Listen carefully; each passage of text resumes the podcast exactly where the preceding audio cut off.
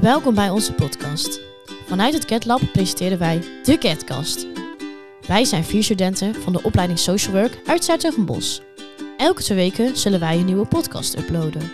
In een open gesprek bespreken wij interessante en actuele onderwerpen. Wij hopen dat jullie van onze gezellige en leerzame podcast gaan genieten. Veel luisterplezier! Hallo lieve podcastluisteraars, daar zijn we weer. En deze week hebben wij eh, het thema eetstoornissen. Maar eerst, uh, Anouk, wil ik jou nog even vragen. Het is natuurlijk bijna Koningsdag. Ga jij Koningsdag vieren? Ja, zeker. Ik eh, ga hier in Den Bosch ga ik naar de Oranjekade. Uh, dat is een soort festival, heb ik gehoord. En ik heb daar een ticket voor gekocht. En ik ga met een aantal vrienden gaan we daar lekker de hele dag feesten. Dus ik ben benieuwd. Ik heb mijn oranje shirt al uit de kast gehaald. En ik heb van die streepjes gekocht voor op je gezicht. Dus ik heb mijn outfit al helemaal klaar liggen. Ja, je bent er helemaal klaar voor. Ja. En Koningsnacht? Ja, dat is natuurlijk, uh, hoe heet het? Want we nemen de podcast uh, vandaag natuurlijk op. En het is vandaag Koningsnacht. Ja, ik weet het nog niet zo. Ik heb er eigenlijk nog niemand over gehoord. Dus ik denk dat ik altijd last minute... Ik woon natuurlijk naast de stad, dus ik kan zo er naartoe gaan. maar het staat nog niet op de planning bij mij eigenlijk. Ik denk dat ik gewoon lekker Koningsdag ga vieren. Dat is al lang zat. En we hebben eigenlijk gewoon nog school de dag daarna. Um, maar nee, jij, ga jij iets met Koningsdag doen? Of nee, Koningsnacht? helemaal niet eigenlijk. Ja, bij ons in het dorp gaat er allemaal muziek worden gedraaid. Dus ik ga met mijn moeder lekker op een terrasje zitten en dan uh, aan het plein kunnen we lekker van de muziek genieten. Ook leuk. Ja. Nou, Sanne, ga jij je Koningsdag vieren? Uh, ik ga van oh, dicht. ik ga vanavond uh, ja, naar Apeldoorn, waar ik vandaan kom. ja, stad in. En morgen ga ik naar Arnhem met vriendinnen. Leuk. Ook Koningsdag vieren daar? Ja. Oké. Dus ik heb geen idee wat daar is. Maar volgens mij is daar allemaal gratis muziekfestival. Leuk. Nou, wel leuk. Ja. ja. Dat is wel handig. Nou ja, iedereen gaat dus uh, iets met Koningsdag doen. Het is wel toepasselijk nu. Ja, vind ik ook. Maar we zullen eerst beginnen met het uh, actueel nieuwsartikel. Ja, en uh, ik was zo een beetje aan het rondkijken. En in het NRC Handelsblad stond... geweld tegen poli politieagenten voor de vijfde jaar op rij is gestegen. Dus in 2021 werden bijna 13.000 meldingen of aangifte gedaan. Terwijl in 2017 nog maar 9.600 uh, gevallen waren getroffen. Er werden ook meldingen gedaan van zwaar, uh, zwaarder geweld, zoals zware mishandeling of poging tot doodslag. Uh, agenten merken wel dat, deze minder worden uit, dat ze vaker minder worden uitgescholden. En ze deden, er deden zelfs 15 agenten aangifte voor poging tot moord. en dat is het dubbele van vorig jaar.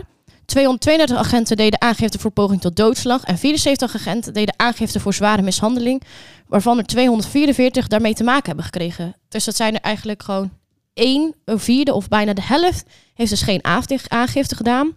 Dus ja, uh, ook het inrijden op de politie is verdubbeld. Uh, dat was vorig jaar 50 keer, maar nu 108 keer. Uh, ja, natuurlijk vanwege de corona is vorig jaar de stijgingen wat minder geweest. Hè. Je kon niet naar het terras. er was minder te doen op straat.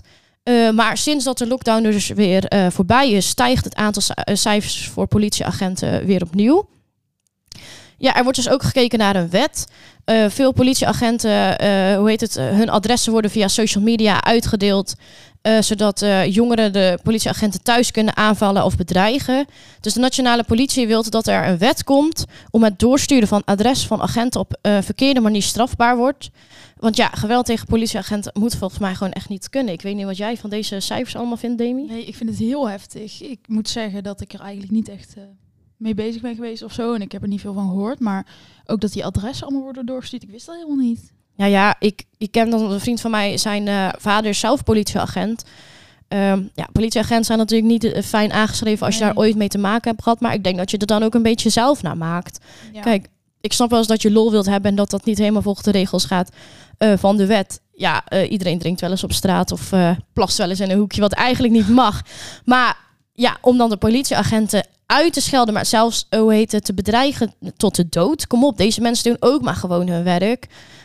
waarom zou je ze dan per se moeten bedreigen? En volgens mij is een, een of een ambtenaar in functie bedreigen is nog zwaardere straf. Dus volgens mij doe je, heb je alleen maar jezelf ermee. Ik uh, vind het echt belachelijk. Ja, kijk, uitschelden wordt natuurlijk al makkelijk gedaan. Ik bedoel, tegen docenten ja. ook. Het is niet netjes, maar um, dat je poging tot moord of doodslag doet bij een random persoon op straat, omdat het een politieagent is, dat vind ik wel heel ver gaan. Ja, inderdaad. En zoals je zei, die adressen doorsturen. Ja, het zijn ook maar gewoon mensen zoals jij en ik. En die hebben waarschijnlijk ook een vrouw of een man, kinderen of eh, weet ik veel huisdieren. En die, die bedreig je daarbij. Hoe heet het? Die persoon heeft ook maar gekozen voor dit beroep. Eh, zouden wij als sociaal werker dan ook maar bedreigd moeten worden? Of eh, andere mensen die zeg maar in de sociale sector worden, moeten die dan ook maar bedreigd worden? Of horeca mensen? Ja, je kan altijd wel iets of een mening hebben over iemand. Maar deze heeft dan toevallig een iets hogere functie en kan je iets sneller oppakken voor bepaalde dingen. Ja, ik vind het echt belachelijk. Heel apart, ja. Sanne, wat vind jij eh, van deze stellingen? Ja, heel raar. ik, eh, ik wist het inderdaad, zoals Demi al zei, ik wist er ook niet zoveel van. Maar eh, dat het ook aantallen zijn, vind ik wel heel heftig. Ja, het is best hoog ook inderdaad. Ja. En gewoon dat ook heel weinig agenten aan, hoe heet het, eh, aangifte durven te doen. ja. Ze denken, ja, het is al goed. Maar eigenlijk moet het gewoon, want deze mensen helpen ook gewoon de veiligheid in Nederland te waarborgen. En hoe heet het dat ze dan daarop worden aangepakt, omdat er een paar jongeren op straat niet mee eens zijn wat, wat een politieagent uitoefent. Ja, ik vind het belachelijk. ja. Maar ja, eh, ik vind, ik, hoe heet het, reageer even hieronder wat jullie van deze stelling vinden. Of wat jullie vinden van politie en geweld. Of hebben jullie het zelf ooit een keer gezien dat de politie wordt aangevallen? En wat vinden jullie daarvan? Reageer op de comments hieronder. En eh, dan gaan we verder naar het thema van de week. Ja, want we hebben nou Sanne te gast. En Sanne, jij komt ons iets vertellen over eetstoornissen. Ja, Wil je eerst eventjes wat eh, over jezelf vertellen? Wie ben jij? Eh, ja, ik ben Sanne. Ik eh, zit bij Demi in de klas. ook sociaal werk. En eh, ja, ik woon hier sinds dit jaar in Den Bosch. Eh, wat wil je weten van mij? Ja, leuk. Ehm, waarom kom je ons iets vertellen over eetstoornissen? Wat is jouw connectie daarmee? Nou, ik heb zelf een eetstoornis gehad eh, toen ik ongeveer 16, 17 was. En ehm, ja, ik dacht, eh, het is wel goed voor mezelf, maar ook voor, ja, om jullie te helpen om eh, meer ja, awareness te maken, denk ik. Ja. Ik heb zelf eigenlijk na tegen mijn klasgenoten nog wel en mijn vrienden wel verteld erover, maar nog nooit echt eh, heel openbaarlijk. Dus eh, Nou ja, fijn Ja. dat je hier dan bent. Ja. Om het aan ons te vertellen zo. Zeker. Ehm, even kijken, want was er een aanleiding voor het ontstaan van jouw eetstoornis? Of wat voor eetstoornis heb je misschien precies? ik eh, ja, heb slash Had, had ja. eh, anorexia. En ehm, ja, of er echt een aanleiding voor was dat denk, ja, je weet het nooit zeker, want het is niet echt vastgesteld van, oh, hierdoor is het. Ja. Maar eh, ja, het begon eigenlijk al wel heel vroeg, denk ik. Op de basisschool was ik altijd eh, heel klein. Ik ben ook nog, ja, ik ben maar 1,50, dus dat is sowieso al. eh, Ja. dan eh, zeiden ze heel snel van, ja, je bent te zwaar voor je lengte, weet je wel, omdat hij niet helemaal op de, de lijn zat of zo. Ja. En eh, toen was op een gegeven moment bij de middelbare school, dan heb je de schooldokter en zusters. En die zeiden dat eigenlijk ook al. Want toen begon ik op een gegeven moment, denk ik, op mijn 15 of zo met proberen af te vallen. En toen gingen we ook mijn ouders scheiden, dus dat was extra stress. ja. Toen is het denk ik meer ontstaan. En uiteindelijk toen, een jaar daarna, toen was het dus dan vastgesteld dat ik anorexia had. Ja, dus, Ja. Het, dus eigenlijk door opeenstapeling van gebeurtenissen, ja, zeg dat maar. eh, denk ik wel, ja. Ja, want hoe was dat voor jou als klein meisje om de hele tijd te horen krijgen van... ja, je moet afvallen en je bent te dik voor je leeftijd. Terwijl je, bent twaalf, je bent daar eigenlijk... Of, of ja, op de Ja. basisschool, je bent daar toch helemaal eigenlijk nog niet mee bezig of zo? Nee, helemaal niet. Het was ook echt, ja. Vooral toen dacht ik, ja, ik was er toen nog niet heel erg mee bezig. Op de, midden, of de basisschool. Maar ehm, ja, op een gegeven moment op de middelbare school, dan gaat iedereen natuurlijk groeien en weet ik veel wat. En dan mijn vriendinnen waren echt wel heel lang en heel dun. Ja, En dan st- stak ik daar een beetje buiten. Dus op een gegeven moment had je dat dan wel iets meer door.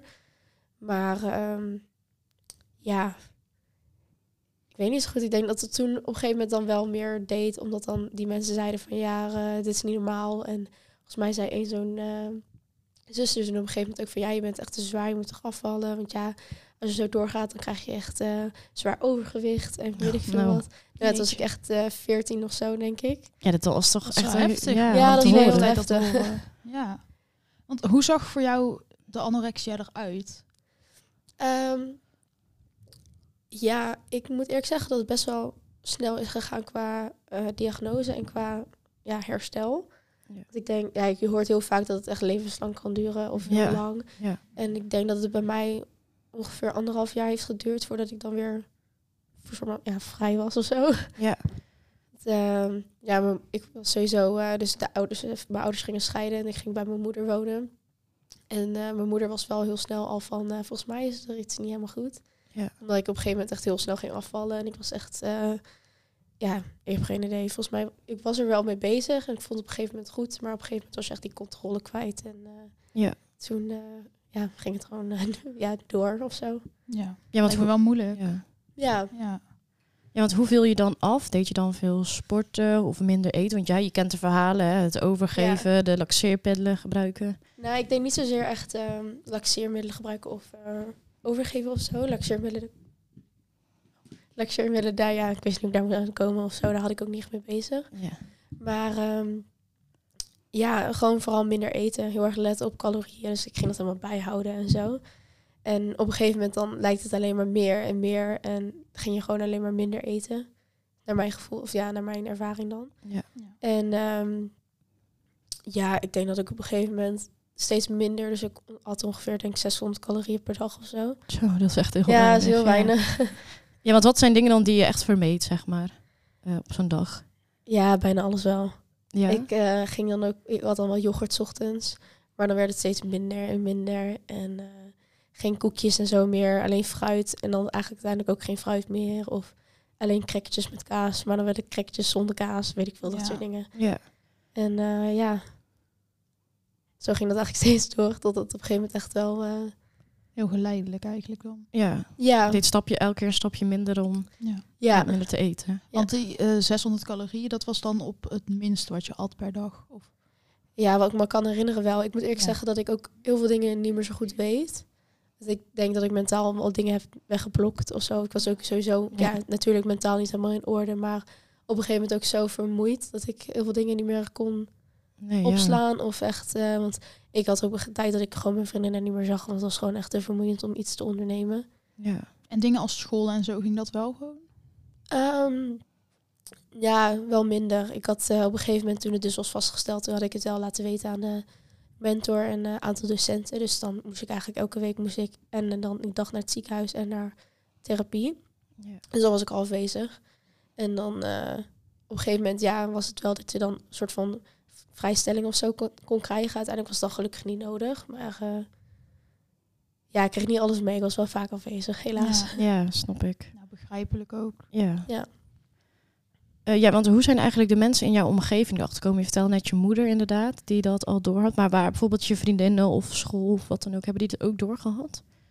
Nee, ik ehm, heb uiteindelijk, toen het dus wel echt er bezig was, heb ik het wel op een gegeven moment aan mijn vriendinnen verteld. Ja. En die zeiden van ja, een aantal zeiden van ja, ik had- dacht het al, of, maar ik wilde het niet zeggen of zoiets. En de anderen zeiden ook, ik wist het helemaal niet. Ik dacht dat je gewoon aan het afwassen was of zo. Ja.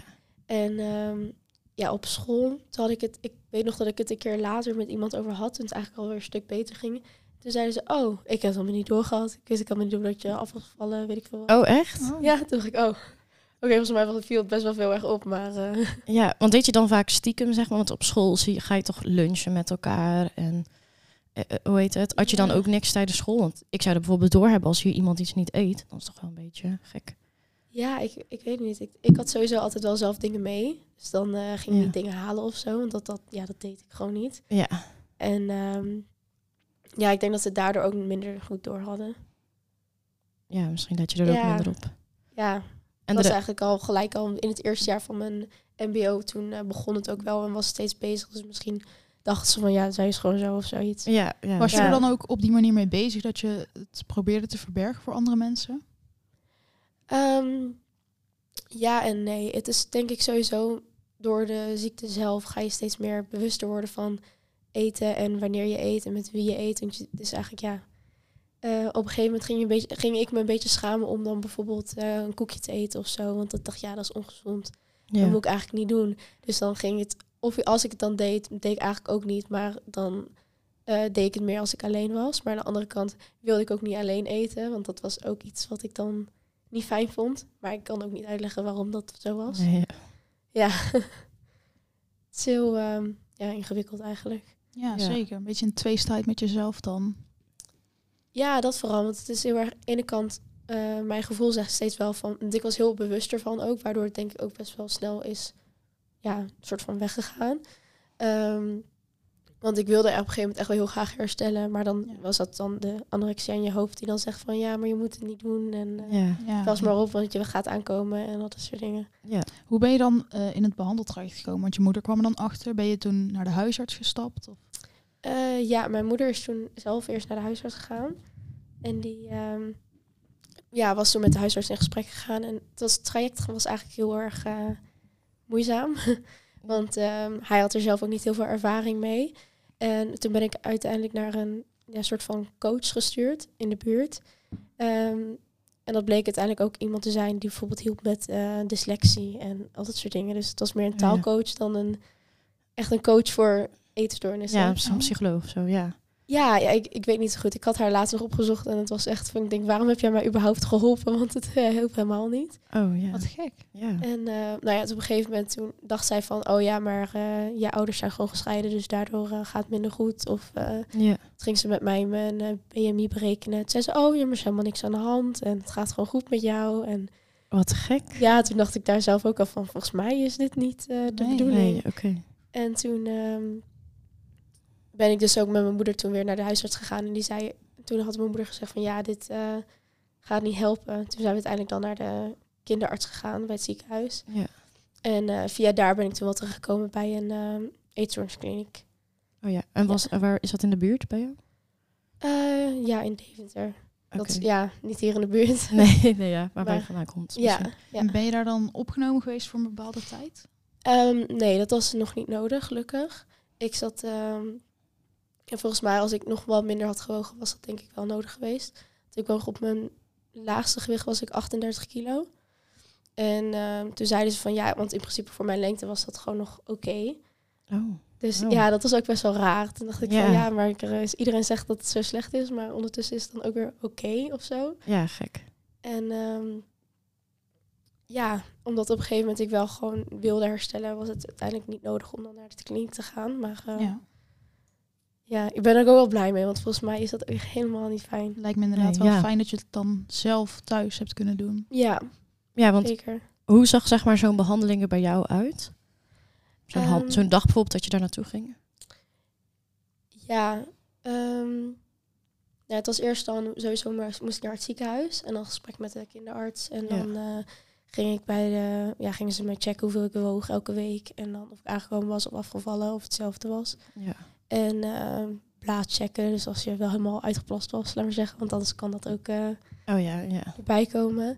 En ehm, dan meestal twee dagen later ging ik dan naar die eetstoorniskliniek om daar te praten. En dan was het meer gewoon een beetje nabespreken van... oh, en heb je bijgehouden wat je hebt gegeten? En Ja. ja, ik ehm, moet eerlijk zeggen dat ik het niet heel hulpvol vond. Of ja, heel Helpend. Of... helpend, ja. Ja. Ja, want wat deed je daar dan? Was het dan groepsgesprekken of individuele gesprekken? Nee, individuele gesprekken. Maar ehm, uiteindelijk ehm, was dan ook dat mijn moeder erbij ging zitten of mijn vader. En uiteindelijk werd het ook meer een soort van, door dat bedrijf zelf, dat het ook een soort van therapie werd voor mijn vader en ik. En Ja. voor mijn vader zelf. Dus uiteindelijk was het echt een beetje allemaal eromheen en niet specifiek voor mij dan. Nee. Nee. En heeft het ook de band tussen jouw vader en jou geholpen? Nee.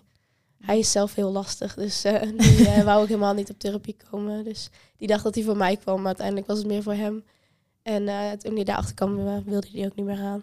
Oh, Maar dat is eigenlijk best wel gek dat ze dan zich minder op jou gaan focussen, maar meer op je, op je ouders.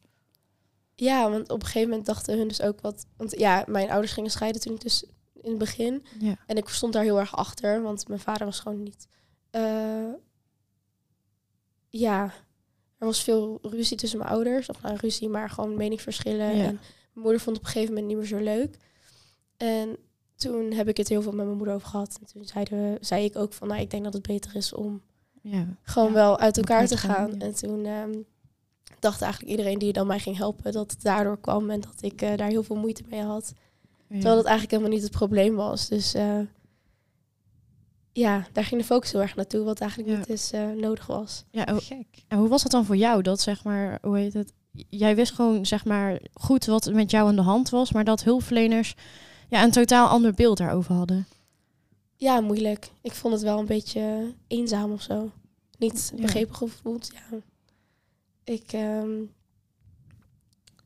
ik weet niet, ook al had ik heel vaak wel verteld van dat het dus niet daar het probleem aan was. Ik denk dat ik Ja. uiteindelijk er ook wel, omdat je er natuurlijk heel veel over hebt eh, moest praten. Ja. En er wel heel bewust mee bezig was dat het uiteindelijk zo naarmate toen dan wel beter ging. ja. Maar ehm, ja. Dus je hoopte voor andere mensen op betere hulpverlening misschien.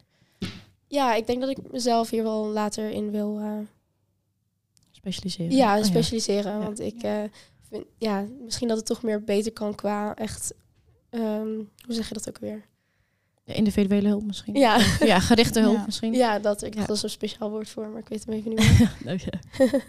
Maar ook dat ze niet ehm, bij jou gingen achterhalen wat het probleem is, maar gewoon het voor jou invullen. Dat, dat is wel gek eigenlijk. ja. ja, dat vond ik zelf ook. Ja. nou, daar kun je later ook een eh, mooi verschil in maken dan. Ja, Ja. dat hoop ik wel. Ja. Ja. Ja, want Tim, jij had ook nog iets van eh, eh, opgeschreven van... Hè, we- ik eh, ken dan ook mensen met eh, anorexia en er worden heel vaak eh, nare dingen over gezegd. Ehm, zijn er ook dingen tegen jou gezegd daarover? Of eh, toen je het bijvoorbeeld vertelde aan de klas, wat waren de reacties daarop? Ehm, nou, eigenlijk wel heel goed. Oké. Dus ja, ik had ook niet echt zo per se aangekondigd. Volgens mij was dat toen met Mustafa dat ik... Weet je dat nog? ja. Volgens mij was het ja, gewoon heel eh, random. Dat, eh, want Brian, ik had het al wel aan een deel van de klas verteld bij leergemeenschap. En ehm, dat Brian toen zei van ja, want met wat je hebt meegemaakt en zo. En ik zag wel mensen kijken. en Ja. Oh. maar ja, dus toen had ik het veld. Het was ook gewoon ja, prima. Niet dat het heel eh, raar was of zo. Vond je het Ja. ook niet moeilijk, omdat het dan niet per se uit jezelf kwam om het te gaan vertellen? Ehm, nee, niet zozeer. Oké, dat is wel fijn. Ja, Ja, gelukkig ja. wel. En in het, tra- toen je zeg maar echt begon aan de anorexia, bijvoorbeeld mensen op je mbo, wat zei je? Hebben daar mensen rare reacties gegeven? Of? Ehm, nou, niet per se raar. Ja, je had soms wel, als ik er dan over vertelde van ja, maar je kunt gewoon gaan eten, weet je wel. En dan eh, Ja, is het weer goed. Maar ja, zo werkt het niet. nee. En ehm, voor de rest was het ook best wel veel dat mensen zeiden van oh, maar je ziet er echt goed uit. En eh, juist heel erg van dat ik dacht van oh, is het juist beter. Ja, Waardoor het dan ook niet altijd even goed hielp. Maar, eh, of dan kwam ik weer mensen tegen bij uitgaan of zo. En dan eh, zeiden ze, oh, wat zie je er goed uit. En dan was ik echt, zag ik er echt slecht uit. Ja, En dan, dan, krijg je eh, zo'n standaard, hè, wat eh, mannen altijd knap vinden, super slank. Ja, Ja, dat je denkt dat is helemaal niet het standaard norm in Nederland. Want volgens mij zijn helemaal niet zo gezond als mensen zo uberslank zijn. Maar het lijkt me ook wel moeilijk om dat te horen van je ziet er goed uit, terwijl jij juist denkt van nee, dit, dit is niet wat ik Nee, luister. of het is niet Dit gezond. is niet hoe ik eruit moet zien eigenlijk. nee, ja, dat was dus wel echt, ja, vooral in, ik weet nog dat ik toen eh, carnaval ging vieren. Toen was ik echt wel op mijn eh, laagste punt, denk ik. Of nou, laagste punt. Ja. Ik mocht wel weer een beetje iets dingen doen, maar ik was nog echt wel heel eh, laag in gewicht. ja. En dat ik toen mensen van eh, een middelbare school tegenkwam en die zeiden van, oh, wat zie je er goed uit. En je bent echt afvallen. Oh, eh, mooi en weet ik veel wat. Dacht ik echt van, ja, ik weet ook niet wat ik hier moet gaan zeggen van, oh ja, dank je, maar... ja, het is eh, niet oké. Nee. Nee. nee, heel gek. Ja, Ja, we hebben ook nog... ehm, ja, want natuurlijk, je hebt de label gekregen, anorexia. Wat vind je van de labels dat je per se die naam hebt gekregen? Vind je dat oké? Of zou je zeggen, ja, ik vind dat een eetstoornis gewoon één naam moet hebben? Je hebt natuurlijk wel verschillende, maar vond je het moeilijk toen je zeg maar echt de diagnose anorexia kreeg? Ehm, nee, ik vond het niet zo moeilijk, denk ik. Ik denk juist dat het ook wel weer hielp en fijn. Ik vind het denk ik ook wel fijn, want het is natuurlijk, alle eetstoornissen zijn verschillend. Ja. Dus eh, ja, bij, bij anorexia ga je natuurlijk minder eten. Met bulimia volgens mij is het dan juist weer andersom. En ik denk dat het juist ook wel weer fijn is dat je dan kan erkennen wat het dan is. Ja. ja. Plus ja, ik, ik heb er niet dat ik nu nog, eh, dat ik helemaal genezen ben. Dus ik heb er dagelijks nog wel last van. Maar dat je dan, het is, ik vind het zelf, ja, als je op een gegeven moment kan vertellen van ja, ik heb daar en daar last van, dan is het misschien voor andere mensen ook makkelijker te begrijpen van waarom je zo in elkaar steekt. Ja. Want waar heb je dan nu nog eh, vooral last van? Ehm, ja, het is elke dag verschillend. Ik, eh, of ik heb ene dag dan denk ik van, oh ja, maakt niet uit. Ik vind het lekker, dan ga ik het gewoon eten of Ja. dat soort dingen. Maar dan denk ik de volgende dag van, oh ja, ik heb gisteren heel veel gegeten, dus dan moet ik vandaag minder eten. En dan eh, is het gewoon heel erg, ja, tegenstrijd, gewoon Ja. continu. Ja. Maar ik, nu weet ik wel van, ja, ik moet gewoon eten, dus dan ga je het wel doen. Ja. Maar, want ik wil, ja, ik wil niet terug naar die tijd. Nee, klopt. Maar ja. Maar het gelukkig blijft dan is- toch in je achterhoofd zitten wel. Ja, en Ja. ik denk ook niet zozeer dat het voor mij echt helemaal weg zou gaan. Want dat dit wel gewoon blijft. Maar Ja. ja, ja, Je kan ermee omgaan met Ja. de situatie. Ja. ja. Dat is wel fijn. Ja, en ergens misschien ook fijn. Je hebt je moeder natuurlijk om je heen. Die Ja. zal ook wel mee in de gaten hebben. En als er iets mis zou gaan, zou zij het ook gelijk doorhebben, denk ik. ja, dat ook. En ja, ik woon nu dan wel met mijn vriend op mezelf. Ja. En die is er ook wel heel erg van op de hoogte. En die weet ook wel van, die studeert zelfs psy- psychologie. Dus die weet een beetje hoe het Oh, in elkaar zit. En die, ehm, ja, niet dat hij zozeer me echt helemaal in de gaten houdt van... Oh, je moet eh, wel gaan eten, want eh, anders dan... eh, Nee, ja. Maar die, hij weet ervan en hij let er wel op. Dus dan... ja, dat, helpt fijn. wel. Ja. ja. Zeker. Want ehm, je hebt dan het label anorexia gekregen. Ik heb wel eens van mensen gehoord dat het dan echt eh, hun hele being soort van werd. Dat mensen dan echt waren van, oh, dat is die persoon met anorexia. Had jij dat ook zo ervaren of was het voor jou niet zo heftig? Nee, maar ik kan wel geloven dat het voor gevallen waarbij het dan heftiger is dan dat van, ja, mijn geval dan misschien, dat dat dan wel lastiger kan zijn. Maar omdat het bij mij, ja, niet heel veel mensen zeiden er zo erg veel van, van, Ja. oh, je ziet, het is echt heel erg, of mensen vielen het niet heel snel op. Ja. Dus ik denk dat als dat wel het geval was geweest, of dat ik dus nog erger erin zou geweest zitten, ja, dan ja. misschien wel. Ik wil niet zeggen dat het in jouw geval minder heftig was, want dat hoor Nee, ik niet nee, zeggen. is sowieso heel heftig. Ik heb maar- ook wel ergere verhalen gehoord en denk van, ja, Ja. niet dat ik dan Ja. moet gaan denken van, oh ja, bij mij is het eh, helemaal niet erg. Nee, het is iets Ja. verhalen. Ja. Ja, precies. Ja, en dus eh, we hadden ook nog één ding, want wij vragen altijd aan een gast of je nog eh, tips hebt voor de mensen die luisteren. Eh, ja, hoe het om te gaan bijvoorbeeld met anorexia of eh, hoe je bijvoorbeeld later in je werkveld, wat nou echt belangrijk is om mensen te helpen met anorexia. En wat je helemaal niet ja, moet moet doen. doen. Nou ja, sowieso wat je volgens mij vaker bij sociaal werk zegt, niet volgens het boekje doen, maar eh, echt kijken naar de persoon zelf. Ja. Dat is wat ik wel echt heb gemist bij mijn eigen behandeling. Ja. Omdat het gewoon ging, ja, hoe de huisarts dacht dat het moest. Ja. En ehm, ja, later kwam de huisarts ook naar mijn moeder toe, want blijkt dat hij zijn eigen dochter ook eh, anorexia had gekregen. Oh, oké. En hij wist niet wat hij moest doen. De dokter zelf, dus dat was wel een Ja, beetje... fijn, ja. raar. En Ja. ja, ja nee, ik zou zeggen gewoon eh, sowieso ja, bij jezelf blijven weten wat je denkt dat je nodig hebt en dat gewoon goed uitspreken. Ja. Ja. En wat als vrienden bijvoorbeeld, eh, als je bijvoorbeeld bij vrienden vermoeden hebt of zo, of bij familieleden. Maar net als jouw vriendinnen zeiden eigenlijk van ja, we hadden wel een vermoeden, maar we durven niet te zeggen. Vind je dan dat er bijvoorbeeld mensen het wel open over moeten zijn of het kunnen aankaarten? ja, ik ben zelf heel eerlijk daarin, dus ik vind het zelf heel fijn om daar wel over te praten. Dus ik, ik zou zelf denk ik wel, als ik het me het op zou vallen, zou ik er wel over gaan vragen. Wel op een, ja, niet een hele directe manier Ja. van eh, gaat wel goed, maar of ja, weet je wel. Ja. Ehm, ja, of sowieso gewoon een beetje in, ja, in de rustig in de gaten houden, denk ik. En dan uiteindelijk als je denkt echt van, oh, het gaat helemaal niet goed, dan wel gewoon erover hebben en vragen. het niet negeren in ieder geval. Nee, dat zou ik Nee. niet doen, nee. Oké. Nou, dankjewel. Ja, dankjewel. Alsjeblieft. Nou, dan gaan we verder, denk ik. Ja. Want eh, dan ga ik verder met de aanbeveling voor de luisteraars. Ehm, zoals jullie weten is het binnenkort weer 4 mei, dus de dodenherdenking. Om 8 uur worden er altijd een aantal minuten stilte gehouden, eh, voornamelijk twee minuten, voor de slachtoffers die zijn omgekomen tijdens verschillende oorlogen. Ehm, ja, vooral nu vind ik het ontzettend belangrijk om daar even bij stil te staan. Of dat iedereen daar even misschien over na wil denken om daar een keer aan mee te doen.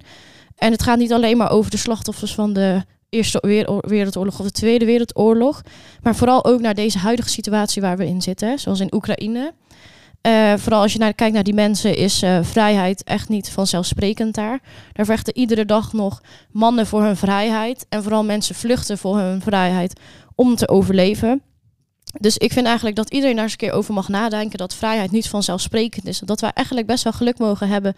Dat wij gewoon in een supervrij land leven. Waar we nooit over onze schouder moeten kijken. Waar we gewoon van alles kunnen. Eh, ja, dus ik vind dat eigenlijk best wel belangrijk. Ik sta elk jaar stil bij 4 mei. En ik sta altijd met mijn ouders te kijken naar de televisie. Hoe de koning op de Dam daar staat. Ik ben een aantal jaar geleden ben ik daar ook een keer echt live geweest. Ehm, wat vind jij ervan, Demi? Wat vind jij van 4 mei en stilstaan bij alles? Ja, ik eh, doe ook net als jij eh, elke 4 mei even die eh, minuutjes stilte mee. Ik vind het ook wel heel erg belangrijk om je respect te tonen daarin. Ja. En inderdaad, niet alleen Wereldoorlog 1 of 2 of Oekraïne, gewoon alles. Ja, het kan Ja. eigenlijk om alle vrijheden zijn. Hè? Je hebt er zoveel vrij, eh, vrijheden die niet vanzelfsprekend is in allerlei landen. Het gaat niet per se alleen maar over bijvoorbeeld vrijheid van meningsuiting, maar ja, ontzettend veel. En ik denk dat dat wel heel belangrijk is dat iedereen daar even gewoon twee minuten bij stilstaat. En ook Ja. gewoon respect hebt voor wat er allemaal is. Hè? Zoals een paar jaar geleden bij het Homo-monument, dat daar ook even stil bij gestaan wordt.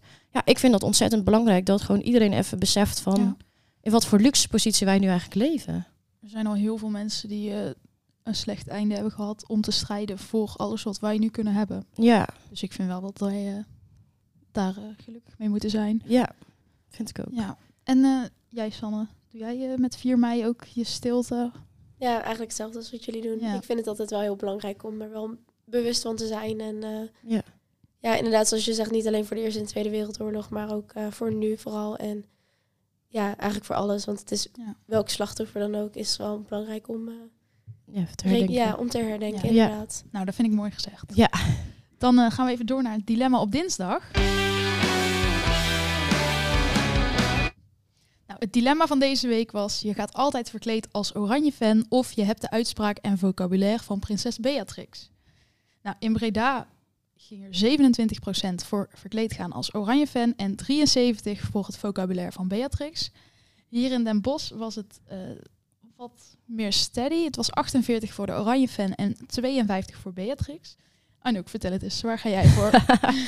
Nou ja, ik dacht, ik vind oranje best een leuke kleur. Maar ik ga echt niet elke dag verkleed als oranje fan.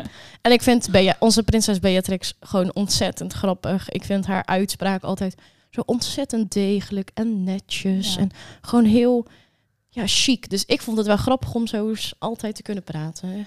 Ik zou echt vermoeid worden, denk ik. Ja, ja? Waar zou jij voor kiezen? ja, Nou, ik denk dat ik toch wel voor eh, oranje fan zou gaan. ja. ja, nou ja, het ligt er ook aan hoe, natuurlijk hoe extreem het Ja. moet. Ja, altijd oranje. Dus nooit weer een andere kleur. Helemaal oranje. Ja, altijd. Maar ja, sta je wel bekend daarom. Ja, dat valt denk ik wel op inderdaad. Ja, Ja. dat wel. En jij, Demi? ja, ik zou ook voor het eh, accent van prinses Beatrix gaan. Ja? Het is heel, heel netjes inderdaad. En eh, toch een beetje kakkerig of zo. Ja, maar ik, staat. Ik, ja, Ja. ik vind dat niet per se iets negatiefs.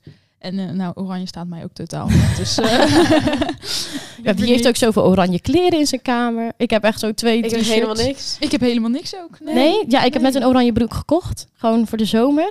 Oh, heel verder heb ik ook niet zoveel. Nee. Ik zat echt nog te denken van, wat moet ik morgen aan? Ja. Maar ik heb helemaal niks. Ja, Ja, nou. te bedenken, ik heb zoveel leuke kleren en dan zou ik dat allemaal niet meer aan Nou, dan ga je verkleed als Beatrix. Dat is nu de oplossing. Kan mooie haar opsteken. Ja, zo'n heel mooi haarkapsel. Nou, is een Eh, nieuwe, nieuwe bijna. oranje fan. Ja, nee. Nou, ehm, van de luisteraars willen we het natuurlijk ook weten. Dus laat onder de podcast maar even weten waar jullie voor zouden kiezen. Ja. En dan gaan we alweer door naar de tips en tricks. Ja, want de Floriade is weer geopend. Eh, dat is, eh, en het thema dit jaar is Growing Green Cities. De Floriade is dus een expo in Amsterdam-Almere. En het is een evenement wat elke tien jaar in Nederland is. Het is een tuinbouw-expo waar je verschillende inspiraties en verschillende dingen kan leren rondom duurzaamheid en verschillende planten en bloemen. Nou, iedereen die doet wel eens aan tuinieren of koopt bloemen. Eh, dus ja, de eh, Floriade wil graag de tuinbouwsector een keer een podium geven. Eh, ja, omdat, hoe heet het, dat eigenlijk best wel weinig voorkomt en heel veel mensen er niet zoveel over weten. Ja, en duurzaamheid is echt een stukje van onze toekomst. Ja, alles wordt steeds groener en duurzamer. Dat kan je daar allemaal zien en leren. En de nieuwste, hoe heet het, gadgets en zo. Eh, in de expo staan ook al niet alleen, maar Nederlandse dingen te- tentoongesteld, maar ook internationale dingen. Eh, ja, je kan dus eh, een dagje de Floriade bezoeken. Het is eh, 29 euro voor een volwassene. En de expo staat tussen 14 april en 9 oktober. Dus je hebt nog lang de tijd om het te bezoeken. En zelfs onze eigen koning heeft het op, hoe heet het, de eerste dag ingewijd. Want het is best wel bijzonder. En het is heel groot, zag ik. Kijk, eh, als je niet van... Ik ben ook niet zo van de duurzaamheid en, en vernieuwing en zo. Eh, maar ik denk ook binnen ons sociaal werk is duurzaamheid eh, ook een thema. Ik vind het ook best wel belangrijk, hè, want ja, we moeten ook wel een beetje meegaan met onze tijd. Maar ja, je kan er van alles. Ik zag dat ze daar ook over fruit heel veel dingen deden en over planten en heel veel dingen. Dus ik ben benieuwd. Ik weet niet, wat eh, vind jij ervan? Ja, ik vind het heel leuk klinken. Voordat jij ermee eh, kwam, heb ik er, ik heb er echt nog nooit van gehoord verder. Nee? Maar nee, ik vind het wel heel het komt leuk. ook maar één keer in de tien jaar, hè? Dus ja, eh, daarom. Toen dan was jij net nog niet geboren vorige keer. Oh, nou, dat nog wel, hè. Nee, ehm, ja, ik denk dat ik er zeker even naar ga kijken. Want het lijkt me wel Ja. heel interessant, inderdaad. Ik Ja, het is heel groot allemaal, eh, allemaal fruitzaadjes gekocht en groentezaadjes. Dus Ja, het is leuk. En je leert inderdaad op allerlei manieren. De tuinbouw wordt daar gepresenteerd. Dus je hoeft niet per se naar de, de, de duurzame dingen, maar hoe, hoe leer je het beste tuinieren en zo. En wat voor potgrond en zulke dingen. Je leert er Ja. echt van alles. dat is ik misschien ook wel nodig. Ik heb wel een paar dingen in de grond gezet, maar eh, het is maar hoop op ze het gaan doen eigenlijk. Sanne, ben jij van de, de tuinierdingen en de duurzaamheid? Nou ja, niet zozeer. Ja, ik vind het wel belangrijk natuurlijk, maar nee, turnieren. Ik heb zelf geen tuin thuis.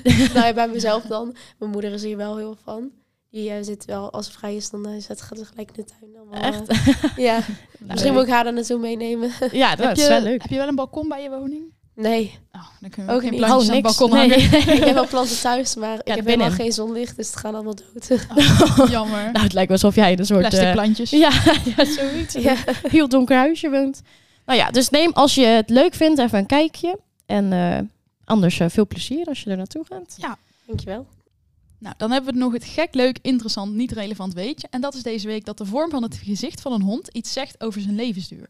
Honden met, een sch- met scherpere gezichtstrekken leven langer. En honden met platte gezichten, zoals bijvoorbeeld bulldogs, die leven vaak korter.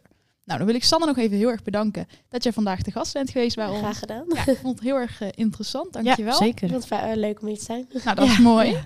Nou, vond je het nou leuk? Volg ons dan op Spotify. Neem een kijkje op de Instagram-accounts van het CatLab Preda en Social Work Den Bosch. Hier komt voor elke podcast het dilemma op dinsdag op te staan, dus vergeet ook niet te stemmen.